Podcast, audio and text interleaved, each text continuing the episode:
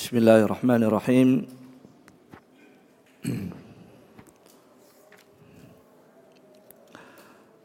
السلام عليكم ورحمة الله وبركاته.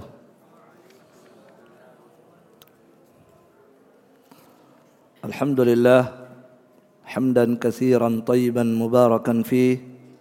أشهد أن لا إله إلا الله وحده لا شريك له. وأشهد أن محمدا عبده ورسوله صلى الله عليه وعلى آله وأصحابه وسلم تسليما كثيرا. أما بعد قوم مسلمين والمسلمات رحمني ورحمكم الله. Alhamdulillah di malam hari ini kembali kita memuji Allah Jalla wa Ala yang memudahkan kita untuk bisa kembali hadir di rumah Allah Subhanahu wa taala ini guna melaksanakan dan menghidupkan malam-malam bulan yang penuh dengan berkah ini dengan ketaatan dan ibadah kepada Allah Subhanahu wa taala dan seperti biasa sebelum kita mengerjakan salat tarawih maka kita mengawalinya dengan majelis ilmu dengan mengkaji dan membaca kitab Al-Adabul Asyarah karya Syekh Salih Al-Usaimi hafizahullah. Dan ini adalah majelis terakhir kita dan insyaallah taala kita berusaha untuk menyelesaikan kitab ini pada malam hari ini biiznillah jalla wa ala. Taib. Kita akan lanjutkan adab yang ke-8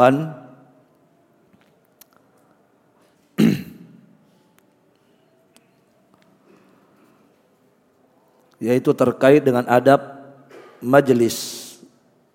Bagaimana adab kita di saat menghadiri sebuah majelis. Ya. Terutama majelis ilmu ya. Ya, di sini majelisnya umum. Ya, tempat orang berkumpul duduk di situ ya. Ya, kemarin uh, sudah kita baca sebagian di antara adabnya kata Syekh Salih Al-Usaimi jika engkau sampai pada sebuah majelis maka ucapkan salam kepada mereka. Dan duduklah di mana majelis itu berakhir. Artinya duduk di bagian akhir majelis kemudian berikutnya kata penulis wala tajlis baina syamsi wadhilli Jangan engkau duduk di antara cahaya matahari dan bayangan.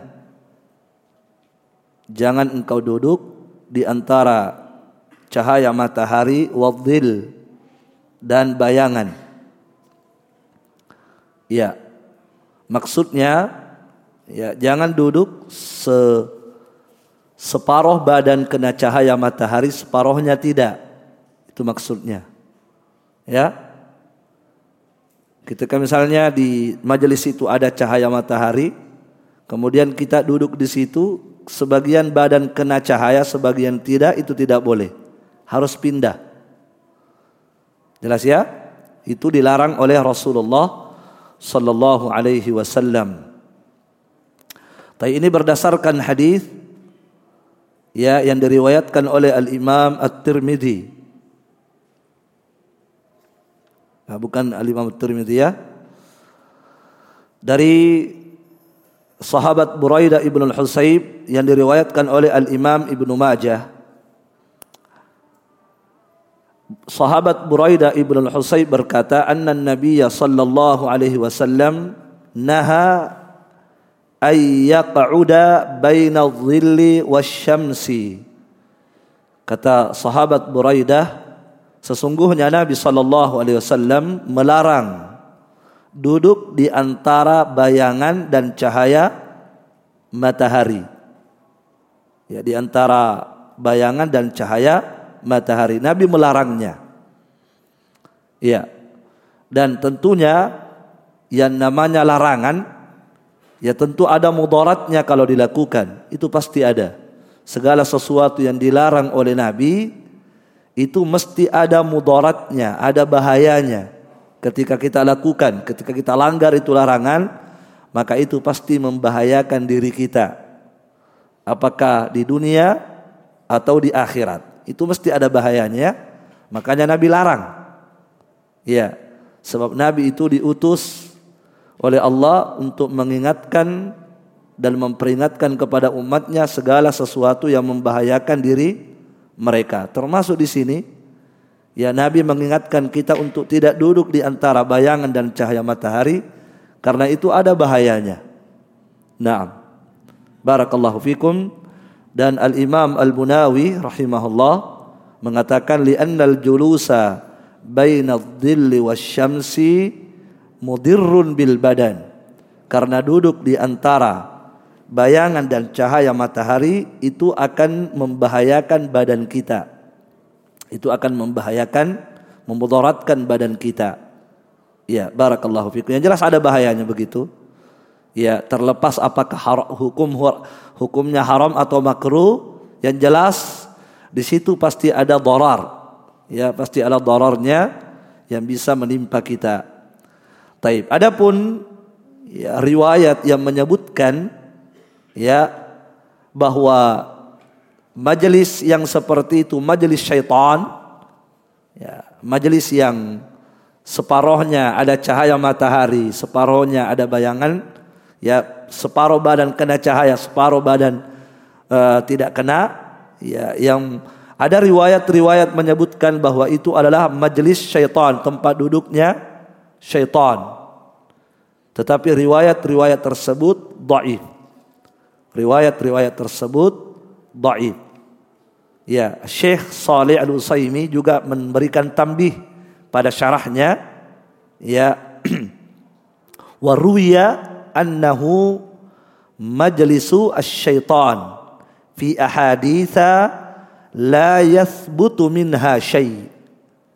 Dan diriwayatkan bahwa majelis seperti itu adalah majelis syaitan ini kata beliau diriwayatkan pada beberapa hadis. Ada beberapa hadis yang meriwayatkan itu, tetapi dari semua hadis-hadis yang ada tidak ada satupun yang sabit, tidak ada satupun yang sahih dari Rasulullah sallallahu alaihi wa ala alihi wasallam. Ya, baik. Kemudian selanjutnya wala tufarriq baina tsnaini illa biidznihima. Di antara adab majelis berikutnya saat kita datang ke majelis, jangan engkau memisahkan di antara dua orang kecuali dengan izin keduanya. Jangan engkau memisahkan di antara dua orang kecuali keduanya mengizin mengizinkan. Faham? Taib. Ada orang misalnya duduk ber, berdekatan ya. Ya, duduk berdekatan.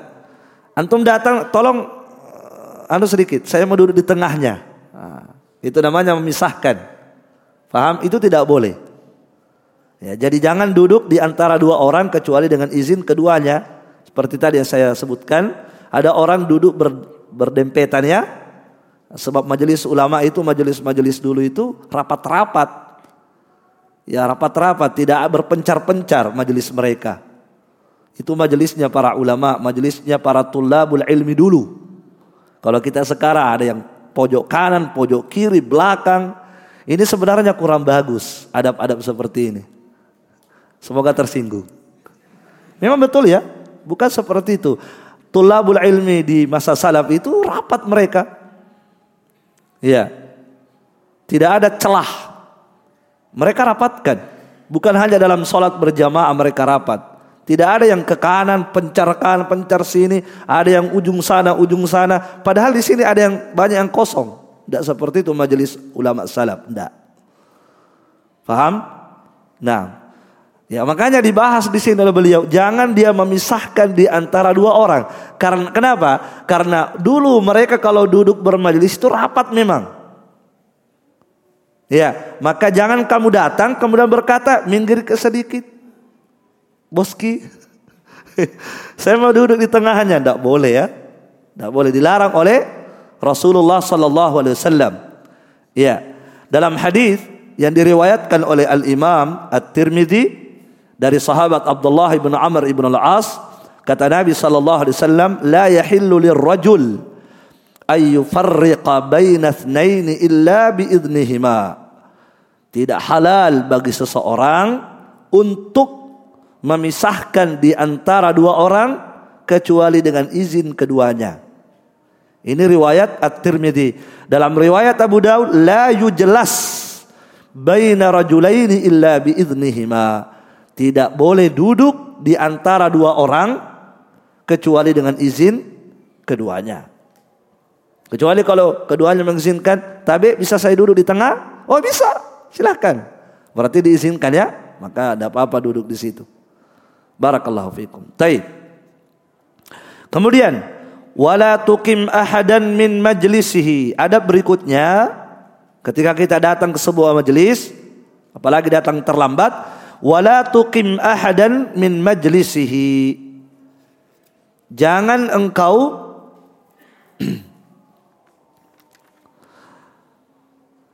Jangan engkau menyuruh seseorang untuk berdiri dari tempat duduknya. Jangan engkau menyuruh seseorang untuk apa menyuruhnya berdiri dari tempat duduknya. Itu juga tidak boleh. Kemudian engkau duduk di situ. Tapi berdiri saya sedikit. Nah, setelah dia berdiri, tapi saya duduk nah.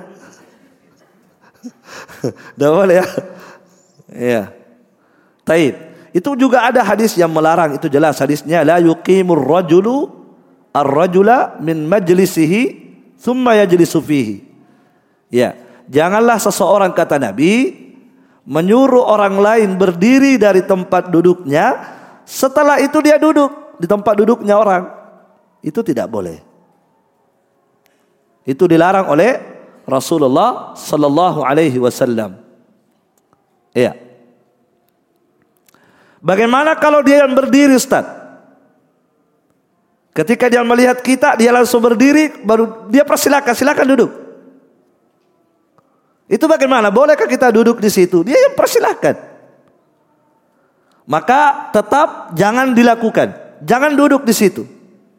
Walaupun dia persilahkan kita. Kita ambil tempat duduk yang lain. Jelas? Walaupun dia yang persilahkan kita. Kenapa? Sebab telah sahih riwayat dari Rasulullah sallallahu alaihi wasallam. Ya dalam riwayat yang sahih tersebut sahih Abu Daud ya ada seseorang datang menemui Nabi. Ya mungkin tamu ya. Datang ingin bertemu dengan Nabi sallallahu alaihi wasallam. Ketika orang itu datang faqama lahu rajulun min majlisihi. Maka ada orang di dekat Nabi, dia berdiri dari tempat duduknya. Dia berdiri meninggalkan tempat duduknya.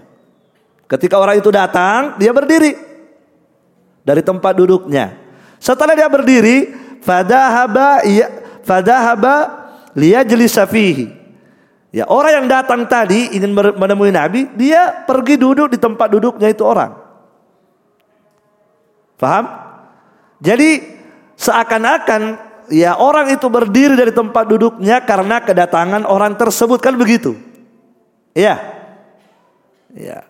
Ketika orang itu duduk di tempat duduknya orang yang berdiri tadi, fanahahun nabiyyu sallallahu alaihi wasallam. Maka Nabi melarangnya untuk duduk di situ. Nabi melarang dia. Paham? Taib. Itu sahih dari Rasulullah sallallahu alaihi wasallam. Dan sahabat yang mulia wa kana Ibnu Umar dan Abdullah Ibnu Umar yakrahu ayyakuma min majlisi min majlisihi thumma yajlisu fihi. Ibnu Umar juga tidak suka. Tidak suka juga beliau ya ketika ada orang berdiri dari tempat duduknya ya kemudian Ibnu Umar duduk di tempat duduknya orang itu. Ibnu Umar tidak suka. Dipahami? Tapi itu dihindari. Walaupun dia yang mempersilahkan kita ya kita kan ada tempat duduk yang lain, kursi yang lain. Biarkan dia duduk di situ, dia duluan. Dipahami? Itu adab kita kepada saudara kita. Barakallahu fikum. Taib. Walaupun walaupun uh, uh, secara rutbah, secara apa ya? Eh, secara derajat derajat kita mungkin lebih tinggi daripada dia, posisi kita lebih di atas daripada dia. Ya, misalnya misalnya ada ustadz atau apalah begitu. Ya, silakan ustadz duduk. Ya, biar ustadz duduk di situ. Kita cari tempat lain. Gitu ya. Nah, jangan kita ambil tempat duduknya walaupun dia persilahkan kita. Jelas? Ya, perhatikan hadis Nabi tadi dan bagaimana pengamalan para sahabat radhiyallahu taala anhum jami'a. Ya. Dan Al-Imam Nawawi rahimahullahu taala memberi keterangan ya terhadap asarnya Ibnu Umar tadi kata beliau ihtimali ay yakuna alladhi qama li ajlihi istahya minhu karena ada kemungkinan ada kemungkinan ada ihtimal Orang yang berdiri tadi, dia berdiri karena malu. Tidak enak kan? Nah, Ustadz yang datang. Tidak enak. Masa kita duduk Ustadz berdiri? Atau masa kita duduk di kursi yang empuk ini? Ustadz dibiarkan duduk di kursi yang apa? Ah, kita duduk di kursi mewah, Ustadz duduk di kursi tidak enak. Ah, kita berdiri saja, biarkan Ustadz duduk di situ. Ah, ini jangan ya. Apa kata Al-Imam Nawawi? Karena ada kemungkinan orang itu berdiri meninggalkan tempat duduknya karena istih, istahya minhu, karena dia malu. Ya kan? Faqama an an ghairi tibi qalbihi. Maka dia pun berdiri dari tempat duduknya tidak bukan karena kerelaan hatinya. Faham? Tapi karena malu saja tidak enak. Ya, tadi enaknya duduk di situ, tapi ya apa boleh buat ada ustadz datang. Ya padahal kita mau nikmati itu kursi baru. Tapi apa boleh buat ustadz datang ya kita ini anu saja. Nah, maka ustadz yang datang tersebut ketika dipersilakan tidak usah dia duduk di situ. Cari tempat duduk lain. Dipahami? Itu adab. Adab dalam bermajelis. Barakallahu fikum. Taib. Ini kalau tempat duduknya tempat duduk umum. Siapa saja boleh duduk di situ. Ini pembahasan kita di situ ya. Adapun kalau itu tempat duduk dia berhak, eh, tolong berdiri itu tempat duduk saya, kursi saya itu. Ini yang dimaksud adalah tempat duduk umum. Semua orang bisa duduk di situ. Kursi umum. Ya, adapun kalau kursi itu kursi khusus untuk orang-orang tertentu ya berhak untuk disuruh berdiri, tidak apa-apa. Dipahami? Taib. Oleh karena itu Al-Imam Nawawi rahimahullahu taala beliau berkata, "Istathna ashabuna min umumi qawli Rasulillah sallallahu alaihi wasallam la yuqimu ar-rajulu ar-rajula ila akhir al-hadis." Ya kata beliau, sahabat-sahabat kami yaitu dari madhab syafi'i memberikan perkecualian dari keumuman sabda Nabi Sallallahu Alaihi Wasallam yang melarang seseorang berdiri ada perkecualian. Ya. Apa perkecualiannya?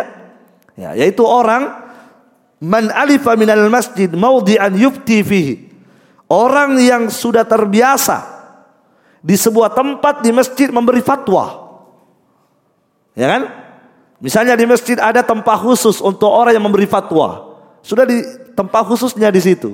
Sudah terbiasa di situ duduk. Memberikan ceramah, memberi fatwa. Naam. Falahu ayyuqim man sabaqahu ilal qu'udi fihi. Maka boleh bagi dia untuk menyuruh berdiri orang yang lebih dulu berduduk di situ. Boleh. Kenapa? Karena dia sudah terbiasa di situ. Betul itu pas tempat duduk umum, tapi karena dia sudah terbiasa di situ, dikenal setiap hari duduk di situ memberi fatwa, maka ada haknya untuk menyuruh orang lain berdiri yang duduk duluan di situ. Paham? Taib. Wa fi ma'nahu man sabaqa ila mawdi'in minasyawari wa maqa'idil aswaq. Dan yang semakna dengan itu, yang semisal dengan itu adalah orang yang lebih dulu menempati posisi yang ada di pinggir jalan. Nah, kan di pinggir jalan biasa banyak pedagang ya. Nah, itu pinggir jalan berhak setiap orang kan? Umum di situ, berdagang. Ada orang lebih dulu pasang gerobak di situ. Lebih dulu dia. Dan semua orang berhak ada izin misalnya, silakan. Gratis tidak disewa, ya fasilitas umum. Semua orang berhak. Nah, dia duluan pasang gerobaknya di situ. Maka tidak boleh yang lain berkata, tolong gerobakmu singkirkan, saya mau pasang gerobakku di situ. Tidak boleh. Itu sama, semakna dengan hadis itu kata Imam Nawawi. Atau misalnya Taib wa maqaidal aswaq. Ya, posisi-posisi yang ada di pasar para penjual. Ya kan? Itu kan semua orang bisa di situ, yang penting bayar kan? Nah, maka siapa yang duluan di situ menaruh tempat dagangannya, maka yang lain tidak boleh, tidak ada hak, dia duluan. Faham? Ya, ada kaidah man sabaqa ila mubahin fahuwa ahaqqu bihi. Itu kaidah fikihnya. Man sabaqa ila mubah fahuwa ahaqqu bihi. Siapa yang lebih dahulu menempati sebuah tempat yang mubah, maka dia lebih berhak terhadap tempat tersebut. Sama seperti di sini ya, sop pertama. Ya majelis yang ada di sop pertama, tempat duduk di sop pertama. Semua orang berhak di sini. Semua orang berhak. Maka siapa yang duluan dia yang berhak. Yang data tidak boleh berkata, tolong mundur ke belakang. Kenapa? Saya ini bupati. Saya ini ustad, tidak boleh. Walaupun itu ustad, itu belakang. Ya. Ini fasilitas umum, semua orang boleh duduk di sini. Sok pertama. Ya, faham? Maka siapa yang duluan, maka dia berhak di situ. Dia berhak, tapi tidak boleh dikapling juga.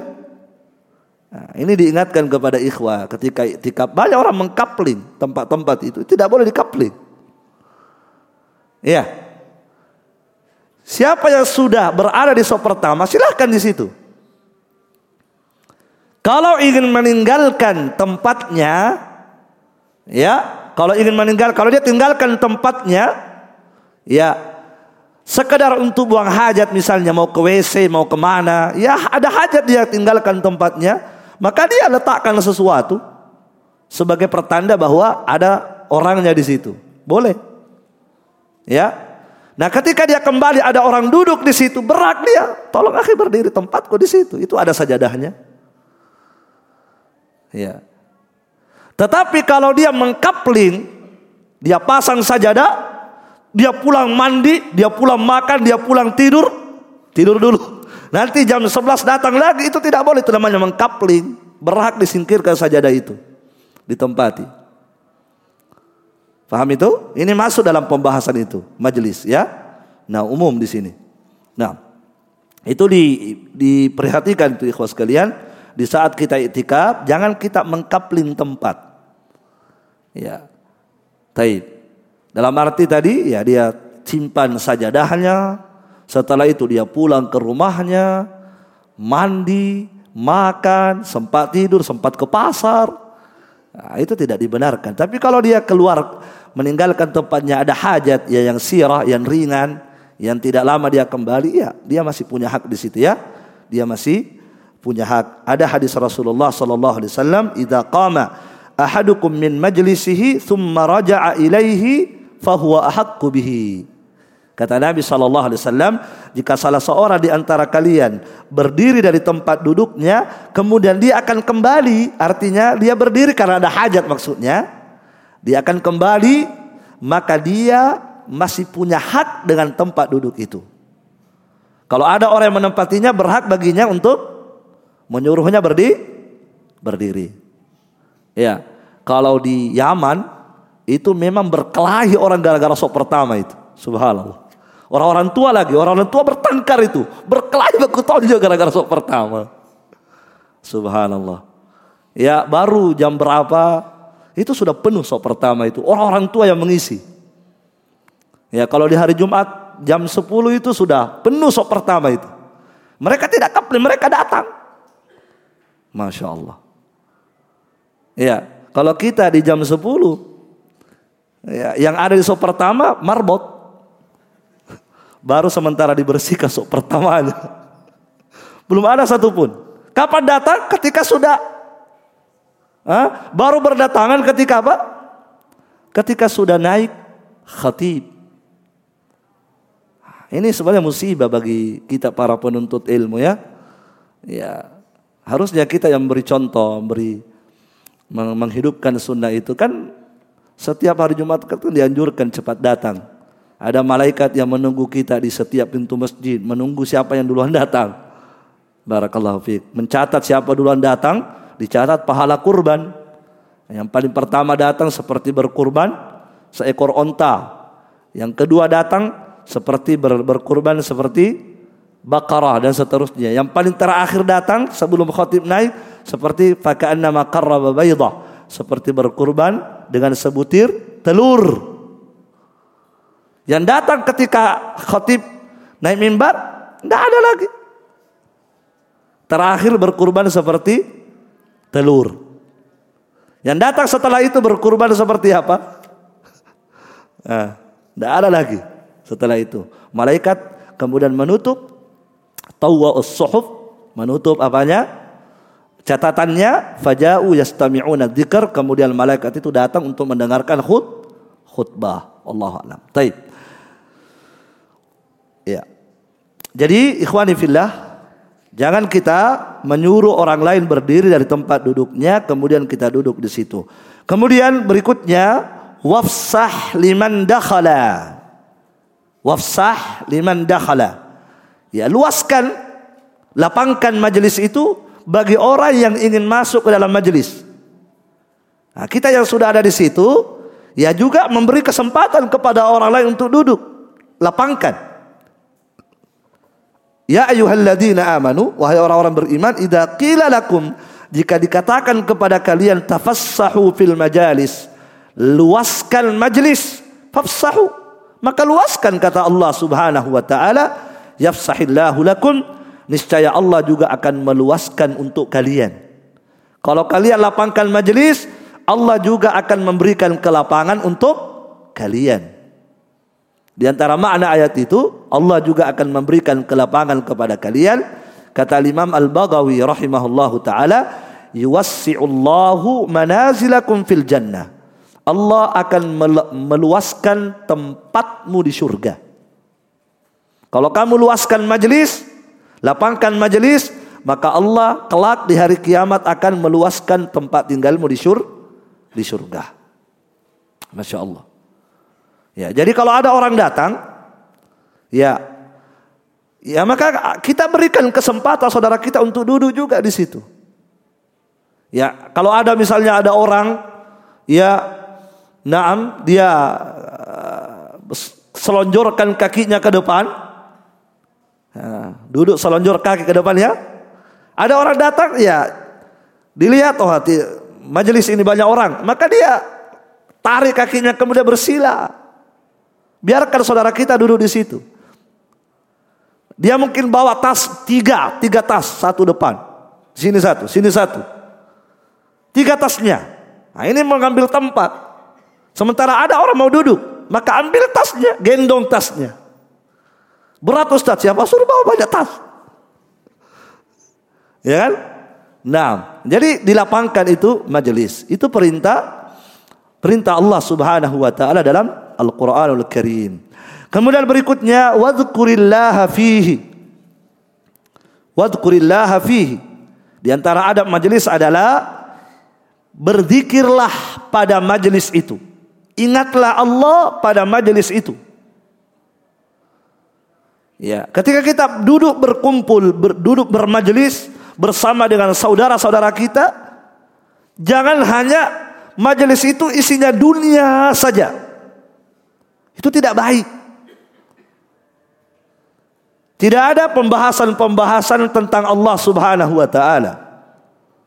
Dunia saja dibahas. Ya, apalagi hal-hal yang menjurus kepada maksiat. Itu majelis yang tercela. Ya harusnya ya sekalipun misalnya membahas dunia, harusnya ada sedikit bumbu-bumbu apa? Bumbu-bumbu agama. Ada di situ diingatkan kepada Allah Subhanahu wa taala. Difahami? Taib. Dalam hadis Rasulullah sallallahu alaihi wasallam bersabda, "Ma min qaumin yaqumuna min majlisin la yadhkuruna Allah taala fihi illa qamu an mithli jifati himarin wa kana wa kana lahum hasratan." Tidaklah suatu kaum sekelompok manusia berdiri dari sebuah majelis kemudian mereka tidak menyebut nama Allah pada majelis tersebut kecuali mereka berdiri dari majelis itu seperti bangkai keledai. Tidak baik. Berarti majelis itu majelis kotor. Digambarkan seperti majelis bangkai keledai. Majelis yang jelek. Tidak ada dikir di majelis itu. Tidak ada hal-hal yang mengingatkan kepada Allah subhanahu wa ta'ala. Ya. Taib.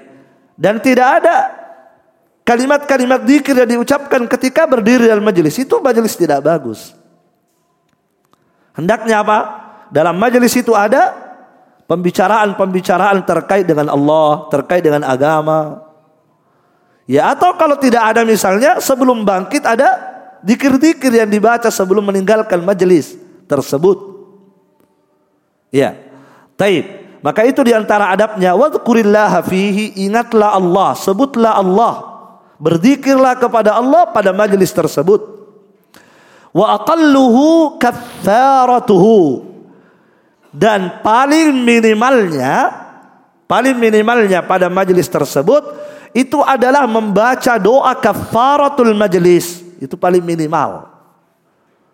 Itu sudah paling minimal itu pada setiap majelis yang kita lakukan paling minimalnya, minimalnya apa yang kita lakukan supaya majelis itu tidak seperti bangkai keledai paling minimalnya apa sebelum kita berdiri kita membaca dikir kafaratul majelis doa kafaratul majelis yang mana itu ya fatakulu kata syekh fatakulu subhanakallahumma wa bihamdika asyhadu an la ilaha illa anta astaghfiruka wa atubu ilaik. Jadi di saat kita bermajelis, sebelum kita meninggalkan majelis itu, ya paling minimalnya kita baca ini. Subhanakallahumma bihamdik, asyhadu an la ilaha illa anta, astaghfiruka wa atubu ilaik. Barakallahu fikum. Jelas ya? Dan ini yang dilakukan oleh Rasulullah sallallahu alaihi wasallam. Ini di antara kebiasaan Nabi sallallahu alaihi wa ala alihi wasallam. Ya, disebutkan dalam hadis yang sahih kata Abu Hurairah, kana Rasulullah sallallahu alaihi wasallam yaqulu bi akharatin idza arada an yaquma min majlisin di antara kebiasaan Nabi pada akhir majelis ketika Nabi ingin berdiri dari majelis itu Nabi mengatakan subhanakallahumma wa bihamdika asyhadu an la ilaha illa anta astaghfiruka wa atubu ilaik apa faedahnya membaca ini? Sebelum kita tinggalkan majelis, Nabi mengatakan dalam hadis yang lain, ya, kata beliau, "Dzalika kafaratul lima yakulu fil majlisi." Itu adalah kafarah.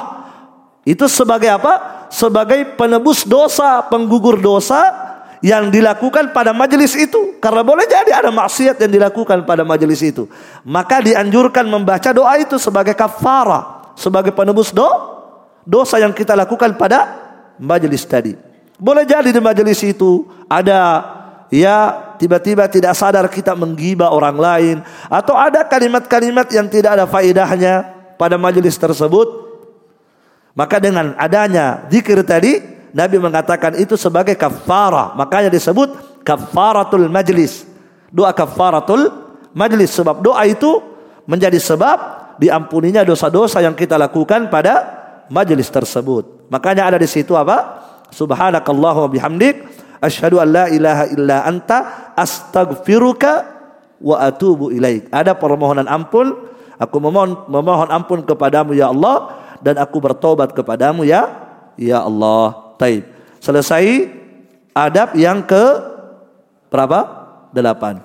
Masuk adab yang ke sembilan. Sudah jam sembilan juga. Tapi saya sudah kasih tahu Syekh. Syekh, saya sudah minta izin.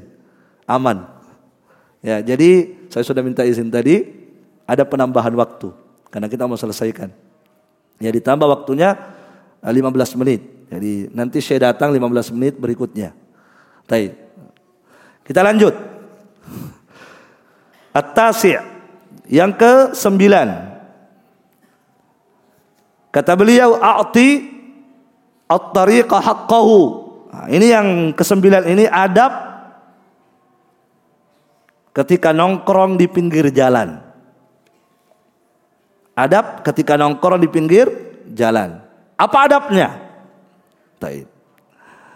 Barakallahu fikum. Sebelum kita baca adabnya, perlu kita pahami ikhwas sekalian bahwa nongkrong di pinggir jalan itu asalnya tidak boleh. Asalnya tidak dibenarkan itu nongkrong-nongkrong di pinggir jalan, duduk-duduk di pinggir jalan, lihat-lihat orang lewat sambil hitung mobil satu dua tiga. Setiap orang lewat dilihatin apa warna bajunya. Asalnya itu tidak dibenarkan itu. Dilarang oleh Nabi Shallallahu Alaihi Wasallam. Bahkan Nabi memberikan peringatan. Ya Nabi memberikan tahdir peringatan keras kepada umatnya agar mereka tidak melakukan itu itu asalnya. Apa kata Nabi dalam hadis? Iyyakum wal julusa fit turqat. Iyyakum wal julusa fit turqat. Hati-hati kalian duduk-duduk nongkrong di jalan. Nabi ingatkan. Ya. Dan perhatikan ketika Nabi mengingatkan Perkara ini Nabi menggunakan kata iyakum. Coba. Tidak main-main itu. Itu tahdir itu sebenarnya. Iyakum itu kalimat tahdir. Kalimat peringatan keras. Dan iyakum itu biasa digunakan. Kata iyakum itu biasa digunakan. Ketika mengingatkan sesuatu yang berbahaya. Itu dipakai iyakum. Iya kan? Ketika diingatkan bid'ah. Apa kata Nabi? Iyakun wa muhdatsatil umur. Hati-hati dari perkara bid'ah karena bid'ah berbahaya. Iya, ketika Nabi mengingatkan tentang fitnah wanita, dahsyatnya fitnah wanita, apa kata Nabi? Iyakun waddukhula 'alan nisa. Nabi pakai kata iyakun Iyakum, hati-hati kalian, waspada kalian masuk ke sarangnya wanita. Hati-hati. Berbahaya. Masuk bergaul dengan para wanita yang bukan mahram. Hati-hati kalian. Nabi pakai kata iyakum.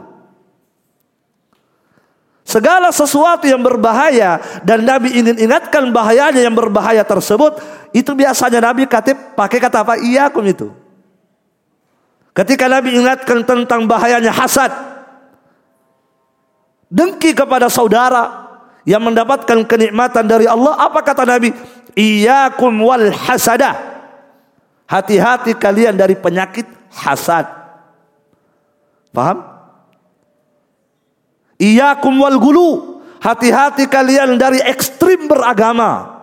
Bahaya ekstrim. Paham?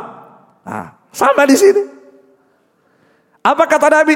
Iyakum wal julus turqat. Hati-hati kalian duduk-duduk nongkrong di jalan. Maka duduk nongkrong di jalan itu asalnya tidak dibenarkan, tidak dibolehkan. Ya. Kecuali kalau memang terpaksa harus ngobrol di situ. Itu baru ada pembolehan. Ya, tidak bisa dihindari. Mesti dilakukan. Ya, ada hajat, ya terpaksa harus di situ. Tapi kalau ada tempat lain ngobrol, ya cari tempat lain, jangan di pinggir jalan. Ya kan? Karena itu kan membahayakan orang yang bersangkutan dan juga tidak enak bagi orang yang lewat. Coba kan? Makanya Nabi ingatkan, jangan duduk di situ. Hati-hati, hindari. Ya, bagi orang yang duduk di pinggir jalan itu kan membahayakan dirinya, banyak maksiat di pinggir jalan itu. Banyak yang lewat, laki-laki, wanita banyak lewat. Ya, ya Nabi ingatkan kepada kita, fitnah wanita besar. Sementara di situ berlalu lalang para wanita yang mengumbar auratnya, kita duduk-duduk di situ. Nabi ingatkan itu. Iya, apalagi kalau nongkrong di pinggir jalan di situ, kawasan pasar. Ya kawasan mall. Di pinggir pinggir pinggir mall nongkrong nongkrong. Masya Allah. Berjenggot. Pakai jubah. Masya Allah. Apalagi masuk stadion bola, nonton bola, la ilaha illallah. Ya kan? Di stadion itu, apa yang ada di dalam stadion itu? Para wanita, para laki-laki yang tidak sholat, tidak apa. Nah, itu ada juga ikhwan yang seperti itu. Masuk stadion bola, nonton bola. Kalau orang yang baru ngaji ya dimaklumi, tapi kalau yang sudah lama, ya kan? Apa apa manfaat yang kita dapatkan masuk ke dalam stadion bola? Apa manfaat yang kita dapatkan? Hah? Manfaat apa coba? Seorang muslim itu min husni islamil mar'i tarkuhu ma la ya'ni. Di antara tanda baiknya Islam seseorang meninggalkan semua yang tidak ada manfaatnya. Tidak ada manfaatnya itu. Ya, lebih bermanfaat kalau antum yang main. Itu yang bermanfaat. Coba dua jam menghabiskan waktu nonton itu. Ya, apalagi yang bermain itu pahanya kelihatan. Menonton paha itu kan tidak boleh. Aurat laki-laki tidak boleh dilihat. Dan tidak ada pemain bola sekarang yang pakai celana panjang. Tidak ada pakai sarung. Barakallah. Kan dilarang oleh Rasulullah SAW. Seorang laki-laki melihat aurat laki-laki yang lain tidak boleh haram kan? Walaupun sesama laki-laki. Begitu pula wanita. Ya, barakallahu fikum. Taib. Kemudian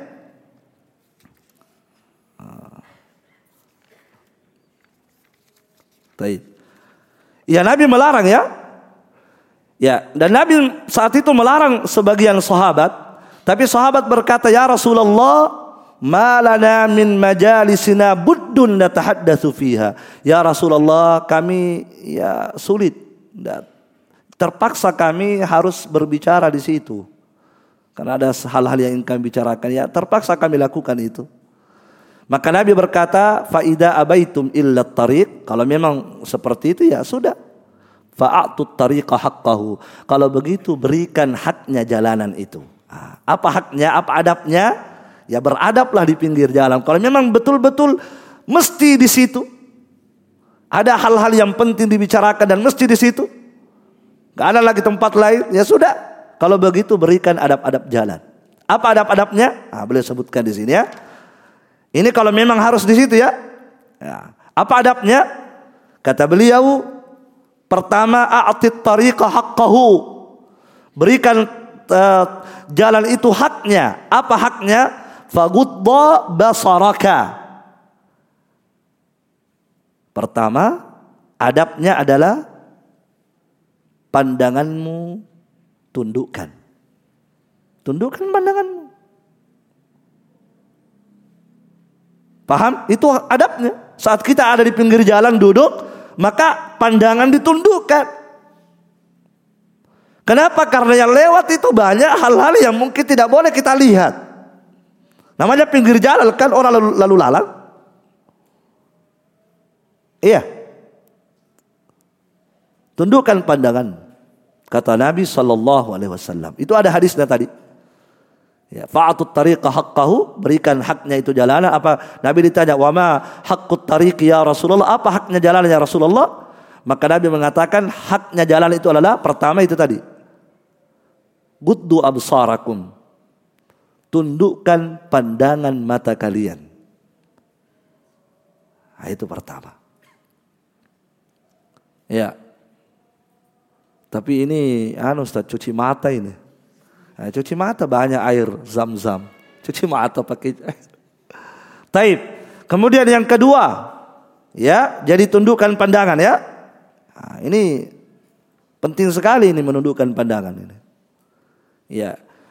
Menundukkan pandangan itu sangat besar pengaruhnya terhadap kesucian hati. Sangat besar pengaruhnya terhadap kesucian ha hati. Makanya dalam Al-Quran dikatakan wa kullil mu'minina yaghuddu min absarihim wa yahfadhu furujahum dalika azka lahum kata Allah katakan kepada laki-laki yang beriman hendaklah mereka menundukkan pandangannya dari hal-hal yang diharamkan dan menjaga kemaluan mereka sebab itu lebih suci bagi mereka Allah mengatakan apa menundukkan pandangan itu apa azka bukan zaki tapi azka itu lebih mensucikan hati mereka. Lebih membersihkan hati mereka. Ya. Maka di, di difahami dari ayat itu mafhumul ayat orang yang terbiasa mengumbar pandangannya maka itu lebih mengotori hati itu.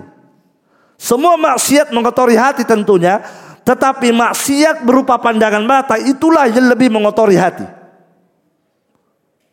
Itu berbahaya itu. Sangat mengotori hati itu. Dan kalau hati sudah kotor, malas ibadah. Itu pasti malas ibadah. Malas belajar ilmu agama. Malas sholat, malas sedekah, malas baca Al-Quran. Itu kalau hati kotor. Dan perkara yang paling mengotori hati di antaranya adalah pandangan, mengumbar pandangan, melihat wanita yang bukan mahram. Ya. Sebaliknya kata para as-salaf man basarahu tetapi siapa yang menundukkan pandangannya an mahasin imra'atin lillah dari kecantikan seorang wanita karena takutnya kepada Allah aurathallahu qalbahu halawatal iman maka Allah akan mewariskan pada hatinya manisnya iman. Ini ada ya yang menyebutkan hadis tapi yang benar itu bukan hadis dari Rasulullah tapi itu adalah ucapan as-salaf. Ya, aqwal as-salaf. Mereka memberikan nasihat siapa yang menundukkan pandangannya dari kecantikan seorang wanita. Ya boleh jadi ketika dia nongkrong di pinggir jalan ada wanita yang lewat. Cantik wanita itu, ya masya Allah takut kepada Allah dia tundukkan. Ya. Maka kata as-salaf Allah akan mewariskan pada hatinya manisnya iman. Ya. Dan para as-salaf sangat menjaga pandangan mereka. Para salaf itu sangat menjaga pandangan mereka. Sampai-sampai seorang as-salaf berkata, "Guddu absarakum walau min syatin unsa." Tundukkan pandanganmu walaupun dengan apa? Walaupun melihat apa? Kambing betina. Coba. Tundukkan pandanganmu. Walaupun yang kamu lihat apa? Kambing betina. Bukan perempuan yang dilihat tapi kambing betina. Tundukkan pandanganmu. Luar biasa itu as-salaf. Faham? Nah, barakallahu fikum. Tapi kemudian berikutnya wakuffal ada. Ya, ketika di pinggir jalan, ya tahan dirimu dari menyakiti orang yang lewat. Tahan dirimu, jangan menyakiti orang lewat. Kan biasa ada orang ketika nongkrong di pinggir jalan naganggu-ganggu orang. Apalagi kalau lewat itu apa? Perempuan. Bisa kenalan. Akhirnya orang itu takut lewat situ. Trauma orang lewat situ. Kenapa? Ketakutan orang. Ah, di situ kalau lewat di situ, aduh, tidak aman kita. Selalu banyak nongkrong di situ anak muda. Misalnya ya, contoh. Dan kalau kita lewat selalu diganggui. Kita tidak merasa nyaman lewat di situ karena dipelototin terus. Makanya lebih melarang jangan duduk di pinggir jalan. Di samping membahayakan yang bersangkutan, orang yang lewat juga merasa tidak nyaman lewat di situ. Kenapa? Merasa mungkin mungkin dia tidak dilihat, tapi merasa dirinya dilihatin. Kan begitu kan? Akhirnya dia jalan kayak tidak pede orang jalan di situ. Jelas? Ya, wakufan ada kata Nabi, tahan dirimu jangan mengganggu orang lewat. Ya. Di musim Ramadan ini harusnya orang tidak mengganggu saudaranya, justru banyak orang mengganggu saudaranya. Ya, setiap sholat subuh ada nongkrong-nongkrong di pinggir jalan, orang lewat bunyi petasan. Itu kan mengganggu. Sementara kita naik motor bunyi petasan, kayak motor-motor bang. Apa itu? Ya kan itu mengganggu orang kan? Nah, itu contoh mengganggu orang lain yang lewat. Al-muslimu Man salimal muslimuna min lisanihi wa yadi. Kata Nabi, seorang muslim yang hakiki, yang sejati, yang sebenarnya adalah muslim yang selamat saudaranya dari gangguan lisannya dan tangannya. Selamat saudaranya, aman saudaranya dari gangguan lisan dan tangannya. Kemudian berikutnya, waruddas salam. Ya, di antara adab jalan itu adalah Jawab salam. Kalau ada orang lewat memberi salam kepada Anda yang nongkrong di pinggir jalan, jawab salamnya. Kemudian berikutnya, wa'mur bil ma'rufi wanha 'anil munkar. Perintahkan kebaikan dan larang dari kemungkaran. Ini adabnya. Perintahkan kebaikan dan larang dari kemungkaran. Ada orang lewat misalnya, ya, perintahkan kebaikan kepadanya dan larang dari kemungkaran kalau dia berbuat kemungkaran. Nah, itu di antara adab adabnya. Ya, barakallahu fikum. Alhamdulillah selesai adab yang ke sembilan. Taib. Insyaallah taala sebentar kita lanjut adab yang ke sepuluh. Ya insyaallah taala. Barakallahu fikum. Subhanakallahumma bihamdik. Asyhadu an la ilaha illa anta astaghfiruka wa atubu ilaik. Assalamualaikum warahmatullahi wabarakatuh. Bismillahirrahmanirrahim. Alhamdulillah. Wassalatu wassalamu ala rasulillah. Wa ala alihi wa ashabihi Wa man ittaba'a Amma ba'd. Kau muslimin wal muslimat Barakallahu fikum. Kita lanjutkan Pembahasan kita. Dan ini adalah majelis terakhir kita untuk kajian adab. Kata penulis Al-Ashiru yang ke-10. Ilbasil jamila minat thiyabi. Ya, ini terkait dengan adab berpakaian. Kata beliau, ilbasil jamila minas thiyab. Pakailah yang indah dari pakaianmu. Ya. Itu adab yang pertama. Pakailah yang indah dari pakaian. Taib. Ini berdasarkan hadis Rasulullah sallallahu alaihi wasallam Inna Allah jamilun yuhibbul jamal Sesungguhnya Allah Subhanahu wa taala jamil, maha indah, yuhibbul jamal dan mencintai, menyenangi, menyukai keindahan. Ya, di sini umum ya menyukai mencintai, menyenangi keindahan. Masuk di dalamnya keindahan dalam masalah libas, masalah pakaian, masalah siap, masalah berpakaian ya. Allah senang ketika seorang hamba memakai pakaian yang indah. Taib. Dan asyab di sini ya kata Syekh Salih Al-Utsaimin hafizahullah ismun lima yulbasu ala syai'in minal badan. Siap ini adalah nama pada semua yang dipakai pada badan. Itu yang dimaksud siap. Semua yang dipakai pada badan. Ya seperti al-qamis seperti kemeja atau jubah awil imamah atau imamah. Ya fakullu ma yulbasu 'alal badan yusamma thawba maka semua yang dipakai pada badan kita itu disebut dengan thawb ya.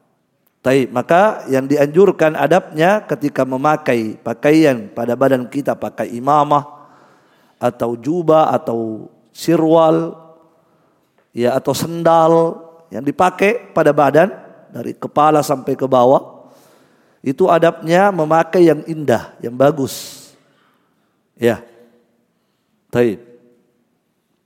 Makanya ketika Nabi sallallahu alaihi wasallam mengatakan ya kepada para sahabat la yadkhulul jannah man kana fi qalbihi mithqalu dzarratin min kibr tidak akan masuk ke dalam surga kata Nabi orang yang di dalam hatinya ada sedikit kesombongan maka para sahabat saat itu yang terbayang dalam pikiran mereka ya termasuk kesombongan ketika seseorang memakai pakaian yang indah, memakai sendal yang indah, maka mereka berkata ya Rasulullah innar rajula yuhibbu ayyakuna thawbahu hasana wa na'lahu hasana. Sesungguhnya ya Rasulullah seseorang itu senang, suka Ketika pakaiannya indah, sendalnya indah. Ya, maka apakah itu juga termasuk kesombongan? Ah, kata Nabi, "Innallaha jamil yuhibbul jamal." Ah, itu tidak termasuk kesombongan sebab Allah itu maha indah dan menyukai keindahan. Justru itu disenangi oleh Allah Subhanahu wa taala. Ketika seorang hamba berpakaian indah, memakai imamah yang hasan, yang indah, memakai baju yang indah, ya celana yang indah, kemudian sepatu sendal yang indah, itu disenangi oleh Allah Subhanahu wa taala. Ya, adapun yang sombong kata Nabi adalah batrul haq wa ghamtun nas. Yang dikatakan sombong itu adalah menolak kebenaran dan meremehkan manusia. Ya, wa ghamtun nas meremehkan manusia. Itulah yang sombong. Baik. Adapun seseorang memakai pakaian yang indah justru itu yang disenangi dan disukai oleh Allah Jalla wa ala. Apalagi di saat seseorang datang ke masjid untuk melaksanakan ibadah. Ya apakah dia mau sholat, mau menuntut ilmu, ya mau melakukan apa saja dari kegiatan-kegiatan ibadah di masjid, maka lebih ditekankan lagi dia memakai pakaian yang indah.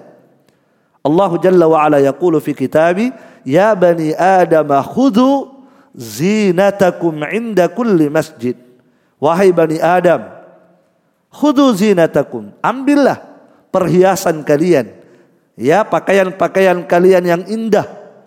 Ketika setiap kali kalian mendatangi rumah Allah Subhanahu wa taala. Maka pada ayat itu Allah tidak mengatakan pakailah pakaianmu untuk menutup aurat. Tidak. Tapi lebih daripada itu, ya, selain menutup aurat, lebih daripada itu Allah menyuruh kita apa?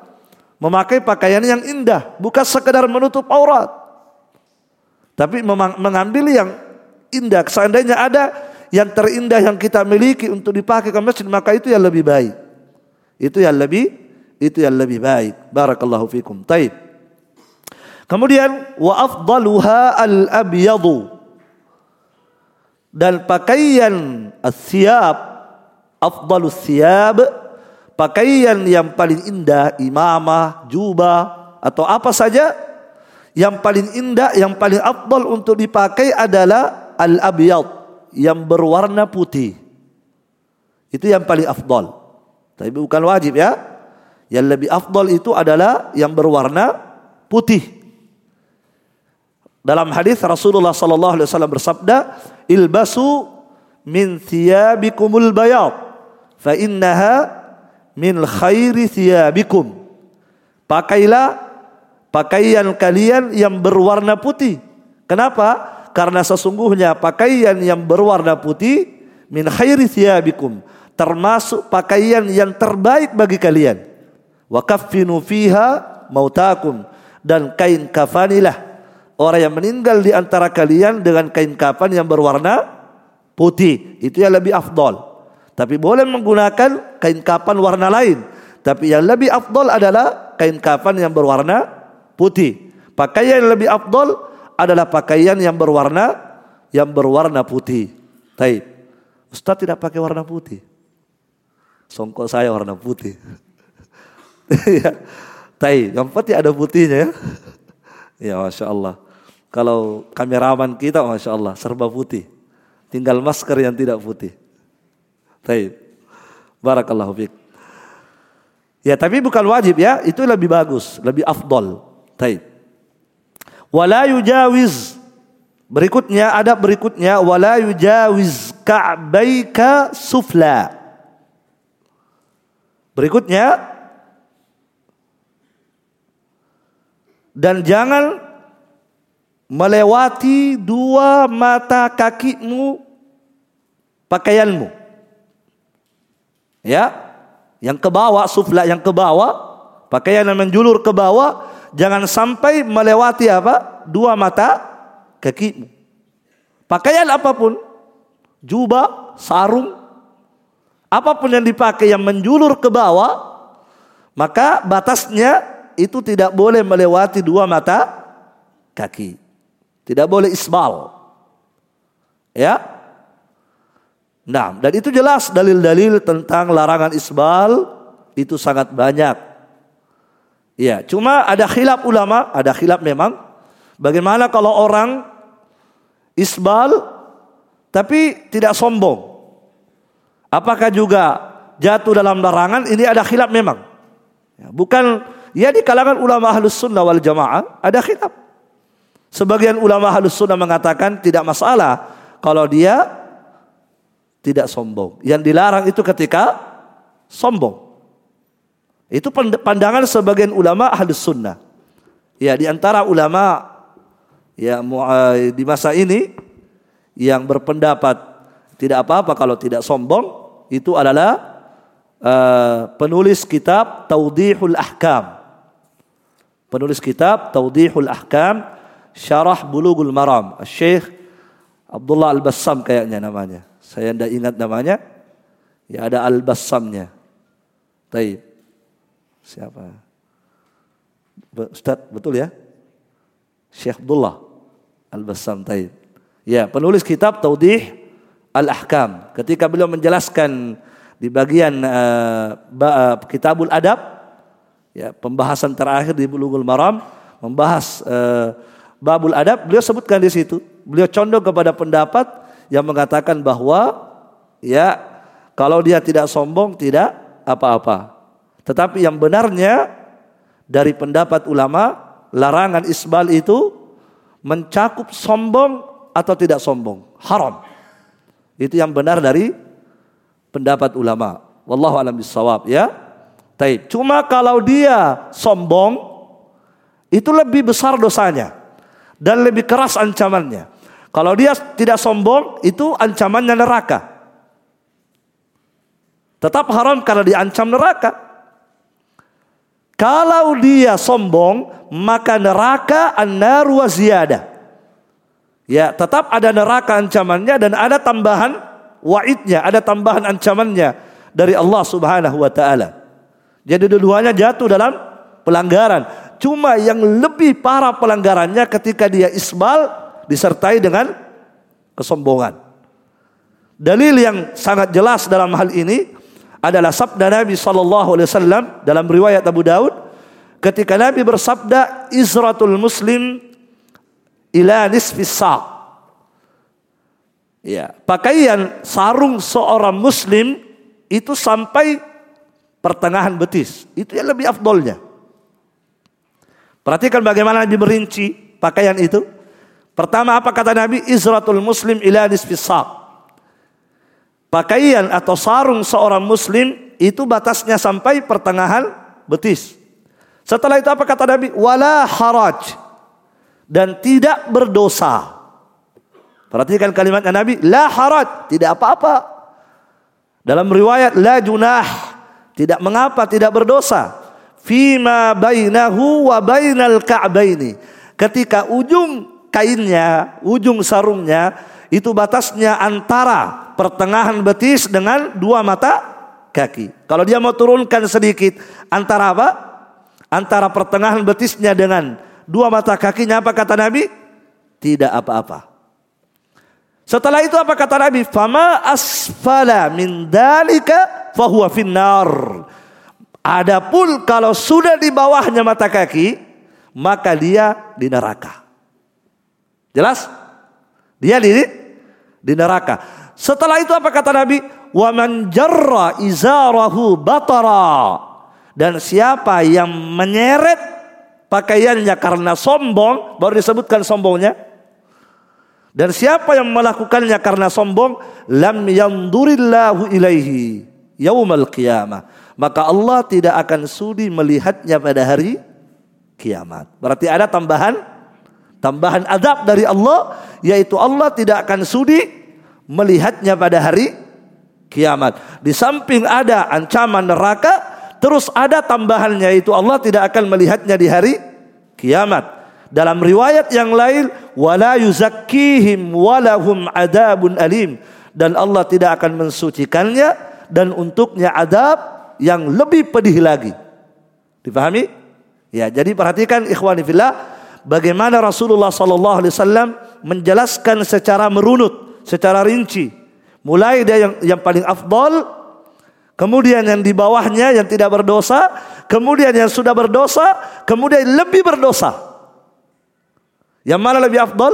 Pertengahan betis. Kalau ada yang tidak mau pertengahan betis, maka silahkan turunkan. Tapi antara pertengahan betis dan dua mata kaki. Lewat dua mata kaki, neraka. Kalau ada yang melewati lagi, disertai kesombongan, maka apa? Ada tambahan adab dari Allah subhanahu wa ta'ala. Barakallahu fikum. Taib. Kemudian, ya, Ya, mungkin kalau ada yang berkata, ya saya tidak sombong. Kalau tidak sombong tidak apa-apa. Perhatikan. Nabi pernah bilang kepada Ibnu Mas'ud. Apa kata Nabi kepada Ibnu Mas'ud? Irfa izarak. Waktu itu Ibnu Mas'ud melorot kainnya sampai isbal. Melorot karena Ibnu Mas'ud orangnya kurus ya. Kurus. Sehingga kadang melorot sendiri itu. Karena kurus. Ketika melorot apa kata Nabi? Irfa izarak angkat kainmu, angkat sarungmu. Diangkat oleh Ibnu Mas'ud. Apa kata Nabi Zid? Angkat lagi. Diangkat lagi. Setelah itu Nabi sudah sudah diangkat lagi. Setelah itu dibiarkan oleh Nabi. Abdullah bin Mas'ud ditanya, batasnya sampai di mana saat itu? Ketika kamu disuruh angkat itu izar, angkat uh, sarung yang kamu pakai? Sampai di mana batasnya? Kata Abdullah bin Mas'ud, ila an. Sampai pertengahan betis saat itu. Coba lihat. Perhatikan bagaimana seorang sahabat yang mulia Abdullah bin Mas'ud radhiyallahu taala anhu ketika melorot itu sarung tanpa disengaja apa kata Nabi angkat angkat Nabi tidak berkata kamu sombong atau tidak. Nabi tidak tanya. Tapi Nabi suruh ang angkat. Dan Ibnu Mas'ud tidak mungkin sombong ikhwas kalian. Tidak ada kesombongan pada hati Abdullah ibnu Mas'ud. Sahabat yang mulia. Sahabat yang kata Nabi seandainya betisnya yang kurus itu mau ditimbang di hari kiamat. Maka sungguh lebih berat daripada gunung Uhud. Luar biasa.